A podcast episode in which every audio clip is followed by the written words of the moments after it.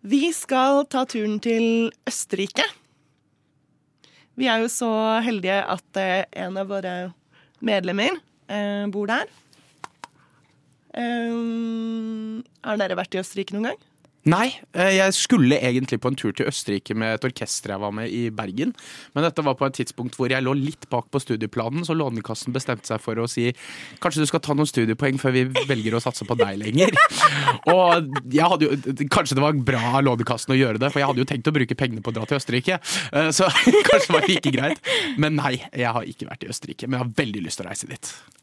Ja, Hva vet du om Østerrike, Emma? Og ekstremt lite. Jeg har aldri vært der, men jeg har ikke noen fremtidig plan om å være dit heller. Jeg tror liksom Det står ikke øverst på lista mi over plasser jeg har lyst til å dra, men eh, det er spennende å lære mer, tenker jeg. Ja. ja, men Da tenker jeg at vi bare kan spisse ørene ja, og høre på hva Benjamin Nordtømme eh, kan rapportere derfra. I lys av Russlands invasjon av Ukraina har nok mange sett en del europakart i det siste. I nettavisene ser vi ofte proffe fremstillinger i kontrast, med Russland og Putin-vennlige stater i forskjellige rødtoner, direkte stilt i motvekt til Natos medlemsland, ofte farget i blått. Det du i så fall ville lagt merke til, og dermed kanskje lurt på, er hvorfor det er noen overraskende unntak i dette blå europeiske havet. Sverige, Finland, Sveits, Irland og Østerrike. Disse landene er av forskjellige historiske grunner såkalt nøytrale stater.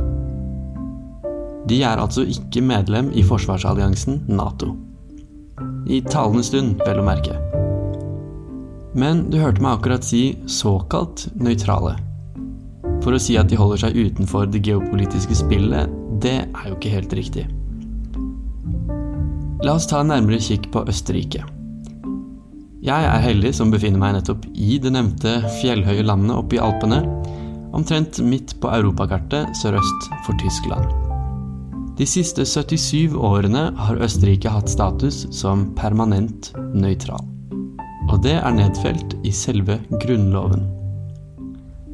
Jeg studerer her, og til dette innslaget var opprinnelig planen å spørre helt vanlige østerrikere om de visste noe om årsaken. Og konklusjonen min Vel, det er ikke akkurat allmennkunnskap, dette her. Og man skal slite med å få et utbrodert svar sånn helt på rappen. So, in the Austrian constitution, Yeah. it's written that Austria can't uh, be a part of any kind of military alliance. Yeah. Do you do you know why? Do you have any idea why? Maybe because of its history uh, connected to the Third Reich and uh, Adolf Hitler, maybe, and the Nazis. That's I think that's pretty accurate. Yeah. Jeg tok nemlig turen ut for å fortelle det som kanskje er kortversjonen. Like ved her hvor jeg bor, så er det et minnesmerke til de falne under andre verdenskrig. Etter krigen så ble Østerrike delt i fire soner. Den amerikanske, den britiske, den franske og den sovjetiske okkuperte sonen. Ti år etter krigen var over, så hadde de fire tidligere allierte et slags dilemma. Østerrike hadde som kjent vært en del av Adolf Hitlers tredje rike. Landet var derfor å anse som medskyldig i noen av de største forbrytelsene mot menneskeheten i historien. Under forhandlingene kom Sovjetunionen med ett spesifikt krav til en fremtidig østerriksk stat. Før man sendte okkupasjonsstyrkene hjem, skulle Østerrike på egen hånd erklære seg selv evig nøytralt.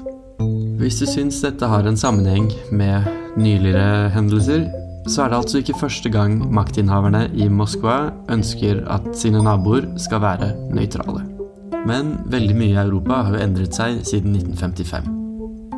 Østerrikes nærmeste naboer er ikke lenger en del av Moskvas interessesfære. Tsjekkia, Slovakia og Ungarn har tur etter tur stemt om å bli med i Nato. For Østerrikes del, derimot, har man beholdt politikken relativt uendret siden 1955. En av de tydeligste markørene på dette er avhengigheten av russisk-importert gass. Her på rommet jeg sitter, som også er tilfellet i veldig mange østerrikske hjem, så er det en fastmontert varmeovn på den ene veggen. Denne varmeovnen ser litt gammeldags ut, og er nok montert en eller annen gang på 60-tallet. Den er ikke elektrisk, men er drevet av damp som varmes opp nede i kjelleren av russisk gass. Flere land i Europa, som f.eks. Litauen, har tatt i høyde for en total boikott av russisk gass.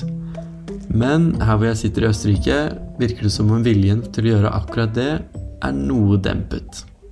Utfallet av flere tiår med en Russland-vennlig handelspolitikk har dermed ekte praktiske konsekvenser i 2022. Så gjenstår det bare å se om nøytralitet og gassavhengighet blir utfordret ytterligere i månedene som kommer.